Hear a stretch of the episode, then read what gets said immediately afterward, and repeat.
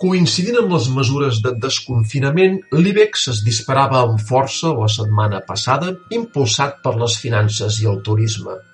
Les dades, però, són enganyoses i el que veurem els pròxims mesos confirmarà el desastre, amb una desfilada d'empreses en concurs de creditors, milions d'espanyols sense poder tornar a la feina, cada vegada més famílies en risc d'exclusió social i augments en la desigualtat.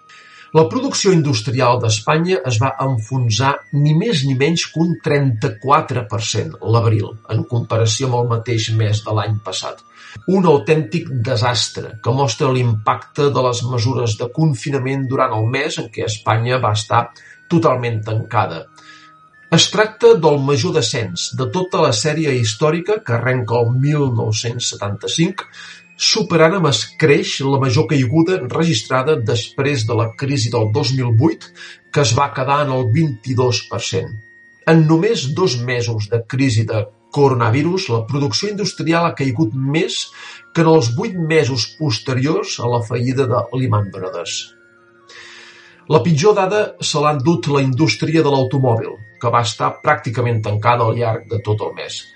En concret, la seva producció ha estat un noranta-dos per cent inferior a la d'abril del dos mil dinou. En el seu cas, com en, el, com en el de moltes altres fàbriques, la crisi no només va ser d'oferta, sinó que la demanda també ha tingut influència. La venda de cotxes es va penalitzar a partir de mitjans de març com a conseqüència que tots els concessionaris no van poder obrir. Això va portar la indústria automobilística a optar pel tancament total de les seves fàbriques, provocant aquesta caiguda inaudita de la producció.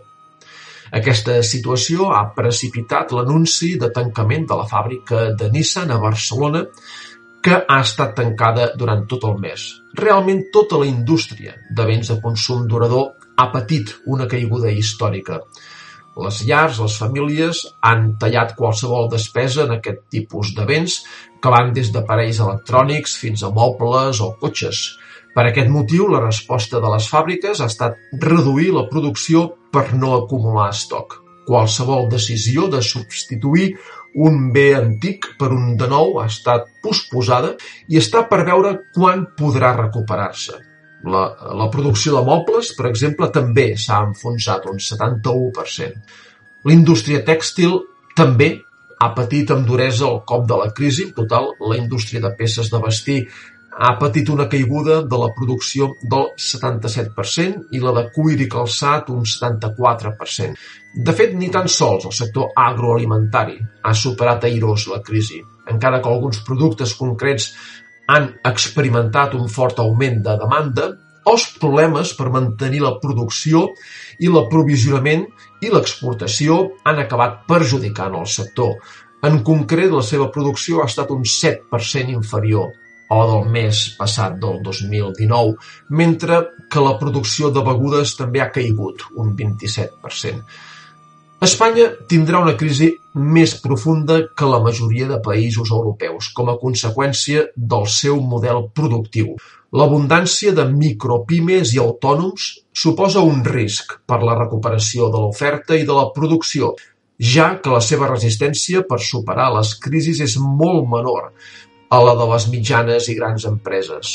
A més, la dependència de sectors de baix valor afegit, com el turisme, la restauració o el comerç, fa que la demanda interna sigui especialment vulnerable per als propers mesos. El govern preveu una caiguda del PIB del 10% aquest 2020 i una escalada de l'atur fins al 20%. La caiguda de la demanda interna com a conseqüència de les restriccions a la mobilitat provocaran, per tant, la caiguda més gran del PIB des de la Guerra Civil.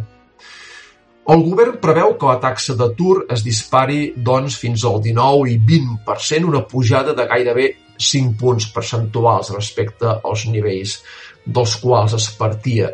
I aquestes dades es mesuren en termes d'EPA, de manera que exclouen els afectats per ERTOs, que seran diversos milions durant aquest segon trimestre de l'any. Amb aquest increment, la taxa d'atur tornaria a nivells de l'any 2016, de manera que el virus esborraria 3-4 anys complets de forta creació d'ocupació. El 2021 començaria, potser, a reduir-se aquesta taxa d'atur, però ho farà amb un ritme molt lent, de manera que la mitjana anual serà molt elevada, superior al 17% d'atur. És a dir, amb un creixement tan intens com el que es projecta per l'any vinent, el 2021, sortint de la caiguda brutal d'aquest 2020, la desocupació es reduiria en menys de dos punts, el que significa que serà complicat recuperar el nivell d'atur del 2019 abans del 2023. El Ministeri d'Economia també preveu una forta caiguda de la inversió aquest any com a conseqüència de l'estat d'alarma i també de la caiguda en la confiança dels agents. Així, es preveu una formació bruta de capital fix que s'enfonsi un 26%. Podrien produir-se danys persistents de la crisi sanitària sobre l'estructura productiva de l'economia, per exemple a causa de tancaments permanents d'empreses o una reducció persistent de la demanda agregada si les expectatives de renda permanent de les llars es veiessin deteriorades significativament més enllà del que es considera fins i tot en els escenaris il·lustratius de referència més desfavorables. Espanya ja partia d'una situació molt vulnerable. En primer lloc perquè el dèficit públic estructural es situava a l'entorn del 3% del PIB, el que significa que realment Espanya no estava complint amb les regles europees, tot i que el govern digui el contrari.